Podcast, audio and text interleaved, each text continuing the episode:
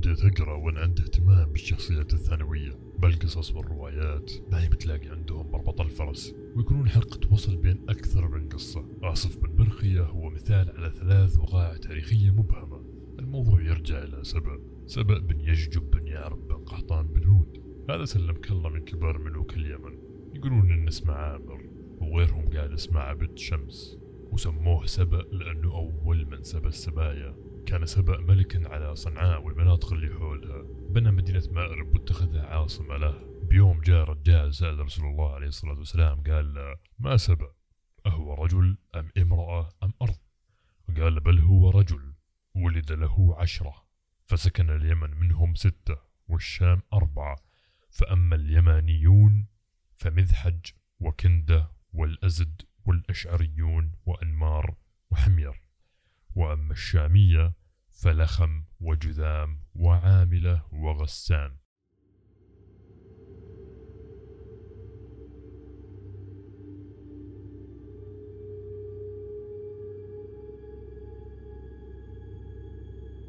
قصة مملكة سبأ مذكورة بالقرآن وكيف انتهى بهم الحال بموت بعضهم وتشرد الباقي بعد ما كانت أرضهم حرفيا جنة الله على الأرض. راح أذكر لكم القصص اللي ترجع إلى حقب زمنية مختلفة وكيف كلهم مرتبطين بنفس الشخص. بيوم من الأيام كان الملك الهدهاد أحد ملوك مملكة سبأ خارج للصيد فشاف ذيب يلاحق غزالة عند الوادي فقرر ينقذ الغزالة من الذيب ثم يلاحق الغزالة لعل تروح عند باقي القطيع ويصير الصيد وفير. تفاجأ الملك أن الغزالة دخلت من فتحة هي باب لمدينة عظيمة مليانة بالقصور. الملك استغرب كيف مملكة مثل هذه بوسط مملكتي وأنا مدري فيها؟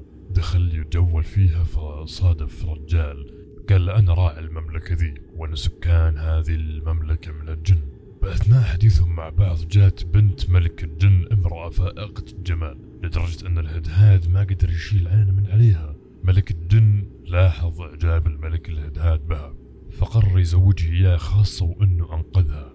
الحين تقول لي متى الهدهاد أنقذها؟ أقول لك هي نفسها الغزال اللي كان يهرب من الذيب. هي أميرة مملكة الجن.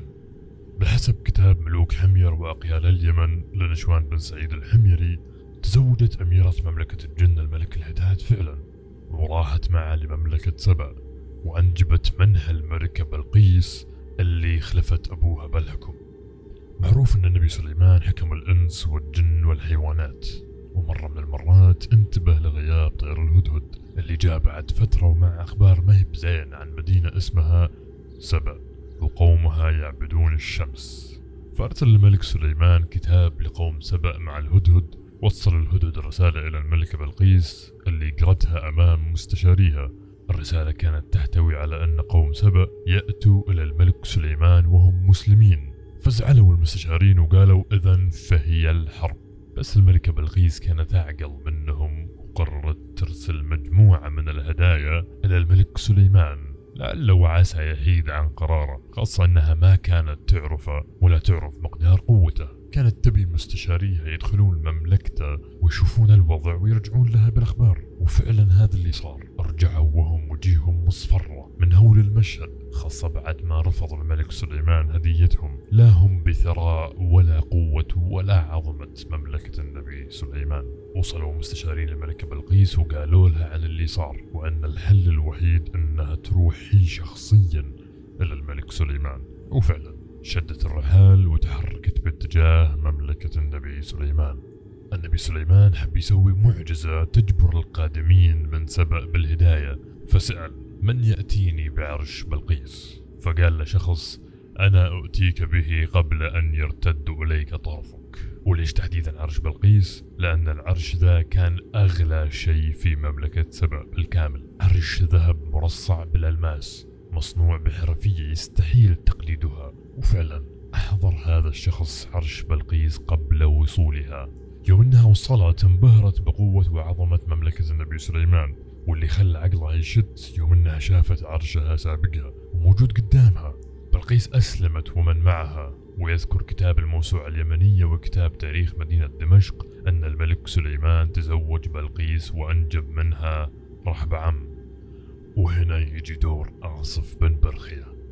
آصف بن برخية هو الشخص اللي طلب منه النبي سليمان أن يحضر له عرش بلقيس باستخدام اسم الله الأعظم ولأنه كان مع علم الكتاب. نسب لآصف بن برخية ثلاثة كتب. ماني بذاكر لك اسمها حتى لا يسيء استخدامها أو أنك تجيب العيد بنفسك. لكني أبذكر لك فقط ما كتب على أغلفة هذه الكتب وبعض من عناوين الفهرس حتى يكون عندك تصور على محتويات هذا الكتاب. مكتوب على أحد هذه الكتب آية قرآنية ثم اسم الكاتب اللي هو آصف بن برخية ثم تحته طلسمات إحضار اسم أعظم تسخير جن وأرواح خواص الحروف علم وفاق وإعداد وأوراد مجربة وبالخط العريض علوم غريبة مجربة. الكتاب اللي بعده يذكر أنه يشتمل على استخدامات وعزائم وخواتم وغيرها. وفي فهرس هذا الكتاب مكتوب العناوين بطريقة غير مقسمة ولكن تسلسل المواضيع صاير على شكل مجموعات. الكتاب يبدي بمواضيع استحضار والسيطرة والاستفادة من قدرات الجن بالترتيب التالي. أسماء الطاعة لأهل السماوات السبع. خاتم ميتطرون وعزائمه وتذكر اسم ميتطرون ذا كويس. الأسماء المكتوبة في قلب الشمس للإحراق. أسماء الأعوان خاتم سمسمائيل ملك الأرض شمرهوش. غلبكم يعرف أو سمع باسم الجن ذا في تكييف الجان وصلبه واستنطاقه. الدعوة العظمى لجمع الأرواح وغيرها الكثير ما بين أشياء ما عرفت أنطقها وأشياء أفضل أني ما أذكرها. بعدها تبدأ المجموعة العلاجية بالترتيب التالي صرف عمار المكان إبطال النزيف وجع الثدي وإدرار اللبن فيها حل المربوط نوم الأطفال عقد المرأة عن الزنا تسيير الرزق زواج العانس شفاء وجع الإذن وعقد اللسان وغيرها برضو الكثير. أما الجزء الأخير فهو مخصص للأذى. تفريق بين المجتمعين هلاك الظالم جلب المرأة تسليط المرض عقد اللسان الصرع تخضيع الرجل لزوجته تحريك الطعام وقلب اللبن دم وتجميد الماء. الكتاب غريب جدا. فيه أشكال هندسية تحتوي على حروف وأرقام بعضها مقروء وبعضها ما أنت بعرف تقراه عواميد وصفوف مكونة 32 أو 64 مربع. مكتوب فيها طلاسم يوجد شرحها أسفل كل شكل هندسي. عمليات حسابية رياضية كسور وقسمة وأرقام. العامل المشترك بين الكلمات الغريبة الموجودة بالطلاسم أو أسماء الجن هو تكرار حرف الشين والجيم.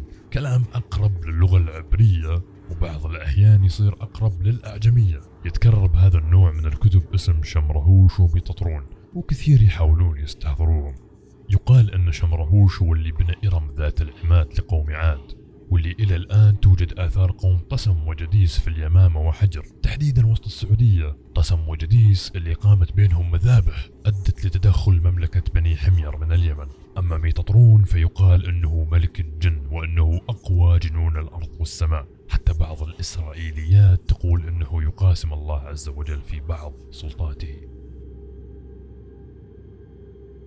جمع النبي سليمان جميع كتب السحر هذه ودفنها تحت عرشه وكان أي شيطان يقترب من العرش يحترق ولكن بعد ما مات النبي سليمان ألعبت الشياطين بعقول الناس وخلتهم يحفرون تحت العرش وطلعت الصندوق اللي كان فيه أقوى علوم السحر والتسخير. فتفشت ظاهرة السحر بهذاك الوقت وكثروا اللي ادعوا النبوة والغيب والمعجزات بسبب قدرات السحر. فأنزل الله الملكين هاروت وماروت حتى يعلمون الناس السحر ويفرقون بين السحر والمعجزة. وتذكر الإسرائيليات أن شمحزاي وعزازيل اللي هم نفسهم هاروت وماروت طلبوا من الله عز وجل أن يضع فيهم الشهوات البشرية وينزلهم الأرض ويبدون يتعبدون الله ويشوفون هل راح يعصوه مثل باقي البشر.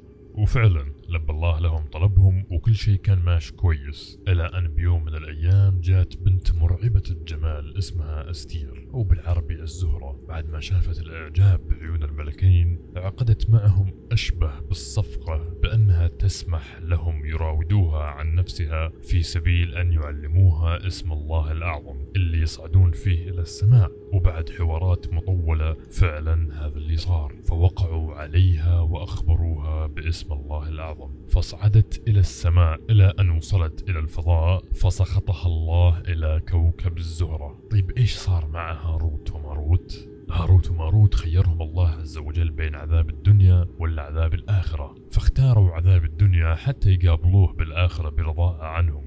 مبدئيا جردهم من قواهم الملائكية وتم ربطهم من رجولهم بسلاسل وإنزالهم في بير أظلم مقلوبين. دخان الأرض كله يجتمع عندهم في هذا البير ويبقون عطشانين والماء قدامهم وما هم قادرين يشربون. البير ذا في بابل وهم موجودين إلى الحين وباقين إلى يوم يبعثون.